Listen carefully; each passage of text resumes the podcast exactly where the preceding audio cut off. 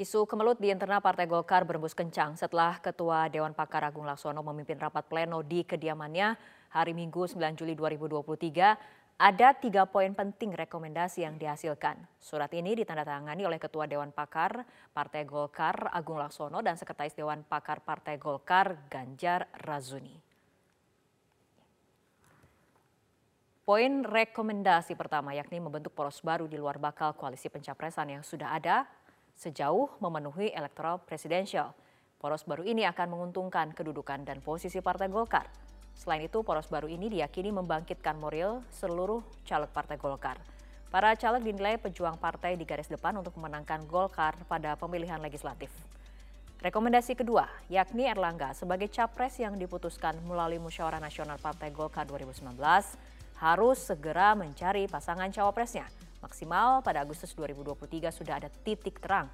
Rekomendasi ketiga, yakni dalam rangka mensukseskan pemilu 2024, Dewan Pakar Partai Golkar mengusulkan agar Erlangga bersama Partai Golkar menyelenggarakan program khusus, yakni program Erlangga Hartarto menyapa rakyat di seluruh Indonesia.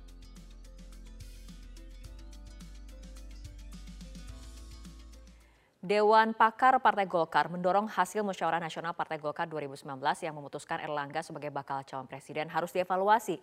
Apa alasan Dewan Pakar Partai Golkar mengevaluasi sikap politik Erlangga? Untuk membahasnya telah bergabung bersama kami Bapak Ridwan Hisham, anggota Dewan Pakar Golkar.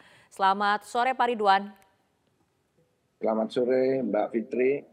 Baik, Pak Ridwan, Anda yang pertama kali menggulirkan isu Munaslup bahwa Erlangga bisa saja direvisi sebagai baca pres dan ketum Golkar. Tapi Kenapa tidak ada sama sekali mengenai hal ini dari rekomendasi yang dikeluarkan oleh Dewan Pakar?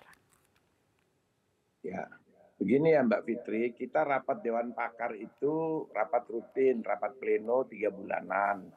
Dan kebetulan rapat pleno ke-8 itu di rumahnya Pak Agung Laksono hari Minggu malam. Rapat itu mulai jam 7 malam sampai sekitar jam 10, jadi kurang lebih tiga jam. Jadi waktu pembahasan itu memang yang diekspos adalah yang tadi sudah ditayangkan ada tiga poin. Tapi proses membuat uh, kesimpulan tiga poin itu kan panjang itu dua jam setengah itu kurang lebih 20 orang hampir semua berbicara. Nah dalam pembicaraan itulah proses-proses itu saya sampaikan. Kenapa? Bahwa yang pertama Pak Erlangga bilang tidak ada munaslup. Betul memang tidak ada kata-kata di dalam uh, rekomendasi itu ada munaslup. Tetapi dampak daripada rekomendasi itu itu ada ada konsekuensinya, tapi kan tidak ditulis, tidak perlu ditulis karena kita ini kan orang organisasi, apalagi Partai Golkar partai yang sudah mengerti organisasi cukup lama lah partai tertua. Nah, kalau rekomendasi itu tidak dilaksanakan atau tidak terlaksana, maka ada konsekuensinya. Wah, kenapa konsekuensinya? Karena ada undang-undang di mana Partai Golkar ini harus memiliki calon. Apakah itu calon presiden ataukah wakil presiden. Itu undang-undang. Nah, sehingga apabila rekomendasi tadi yang disampaikan oleh Dewan Pakar secepatnya, artinya hari ini sampai selamat sampai Agustus, kalau tidak tercapai yang namanya koalisi baru, ya koalisi baru atau tidak tercapai juga berkoalisi dengan yang lainnya, maka konsekuensinya di bulan Agustus harus ada perubahan. Perubahan hmm. apa? Ah, ya itu perubahan keputusan Munas 2019 okay. yang isinya menyatakan Erlangga sebagai calon presiden. Nah, itulah Baik. maksud daripada kenapa harus diselesaikan melalui musyawarah nasional luar biasa. Di Baik. Golkar, Munaslup hmm. itu bukan barang haram. Pak hmm. Harmoko mundur diganti Bang Akbar itu Munaslup. Setelah Baik. itu Bang Ical mundur diganti Pak Ridwan. Novanto juga Munaslup. Erlangga juga terpilih juga dari Munaslup. Jadi okay, bukan barang baik. haram Munaslup itu biasa-biasa saja. Baik, Pak Ridwan, artinya ketegasan kembali poin-poin dalam rekomendasi ini menurut Anda sifatnya mengikat atau sebetulnya bisa dilihat hanya sekedar masukan nih Pak? Eh, di dalam konstitusi Golkar, Dewan Pakar itu tidak mengikat keputusannya. Dia hanya mau, karena dia kumpulan para pakar-pakar, para Eh, orang-orang organisatoris yang mempunyai pengalaman cukup panjang baik di eksekutif maupun legislatif dan semuanya mantan-mantan anggota DPR juga semua ada di sana itu hanya memberikan masukan kepada ketua umum. Oleh ketua umum boleh dijalankan boleh juga tidak. Tapi kan aspirasi para senior-senior ini kan tidak mungkin digesek dibegitukan saja tidak di, diindahkan itu. Karena ini kan uh, aspirasi yang kita dapatkan dari kader-kader partai Golkar. Kader Golkar itu ada dua, satu kader fungsional dan kader teritorial. Kader teritorial itu tidak tersentuh.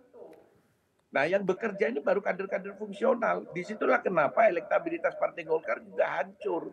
Okay. Sudah tinggal terakhir, datanya kan sudah ada, saya tidak perlu sampaikan. Nah, itu Baik. jadi inilah yang kenapa poin ketiga itu harus ada program Erlangga menyapa kepada rakyat karena kader teritorial kita itu tidak tersentuh oleh DPP Partai Golkar itu. Baik, Pak Ridwan, eh, menurut Anda ataupun dari Dewan Pakar memang seurgent apa, segenting apa situasi Golkar sehingga kemudian Dewan Pakar sampai harus mengeluarkan rekomendasi? Kita melihat batas waktunya adalah awal Oktober mendaftar Nah ini kurang tiga bulan. Kita memberi waktu kepada DPP, memberi warning kepada DPP satu bulan ini. Karena kalau terjadi bahaya, maka kita masih punya penyelamatan dua bulan. Nah penyelamatan itulah yang kita warning sekarang kepada DPP. Jangan DPP terus melihat Dewan Pakar tidak ada gunanya ya bubarkan aja kalau tidak ada gunanya. Apa yang kita sampaikan itu adalah berdasarkan fakta dan kenyataan yang ada di bawah. Jadi jangan terus dianggap remeh karena ada pengurus di PP bilang Dewan Pakar tidak punya suara, tidak punya hak. Eh, sudah tahu kita kalau tidak punya hak. Hak suara itu ada di DPD, provinsi. Sebanyak 38 sekarang. Itu kita ngerti. Kita ini semua pengalaman. Saya ini mantan ketua DPD Partai Golkar Provinsi Jawa Timur. Okay. Pada saat Golkar menang pemilu tahun 2004, mulai tahun 99. Jadi DPP juga orang-orang pengurus DPP ini jangan sok kuasa aja, tidak ada artinya. Padahal dia ber, tidak berbuat apa-apa. Buktinya elektabilitas Partai Golkar hancur. Apa bisa okay. Erlangga naik? Elektabilitasnya juga tidak bisa. Masa di bawah satu persen? Nah itu Baik. kan harus kita realistis gitu loh. Orang-orang Golkar ini orang-orang yang pakai otak, hmm. pakai apa namanya, pakai pikiran yang realistis. Jangan apa namanya hanya asal bicara saja tidak tahu apa akibatnya membuat hancur Partai Golkar di bawah. Baik, Pak Ridwan. Ya, mungkinkah mengevaluasi seorang Erlangga Hartarto selain untuk baca pres, tapi juga sekaligus posisinya sebagai ketua umum? Kalau yang pemilik suara mengendaki bisa saja terjadi. Tapi saya mengendaki bahwa itu mengevaluasi hasil keputusan musnas, bukan mengevaluasi Erlangga harus mundur. Kalau Erlangga masih siap sampai 2024, silakan dia pimpin ini Partai Golkar. Tapi jangan Golkar tersandera sekarang. Bikin koalisi gak jelas. Ya toh lari ke kiri, ke kanan, ke partai ini.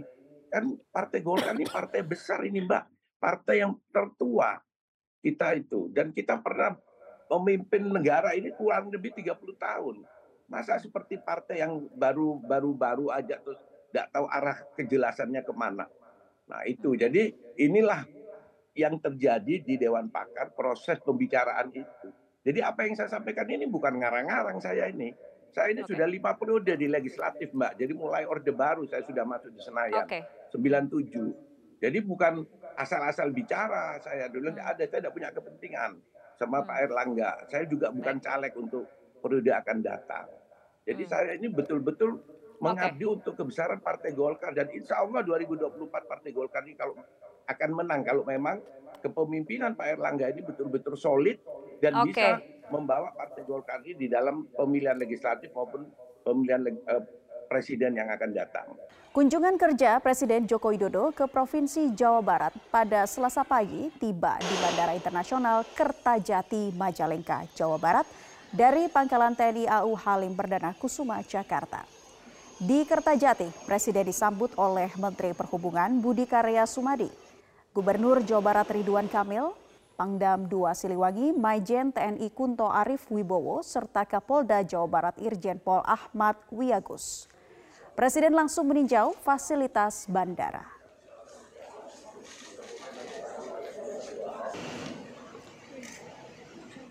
Dari Bandara Kertajati, rombongan Presiden menuju terowongan kembar Tol Cisumdawu di kilometer 169 Kabupaten Sumedang dan meresmikan jalan tol Cilenyi Sumedang Dawan atau tol Cisumdawu. Kunjungan kerja Presiden berlanjut menuju Pasar Tanjung Sari, Kabupaten Sumedang, dan bermalam di kota Bandung untuk melanjutkan kunjungan kerja esok hari.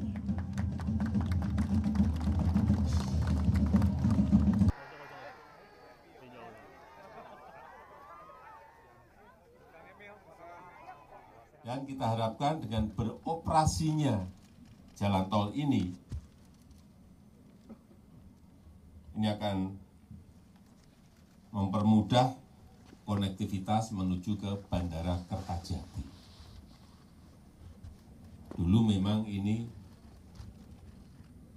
kita kerjakan bersama-sama agar jalan tol jadi, Bandara Kertajati juga jadi.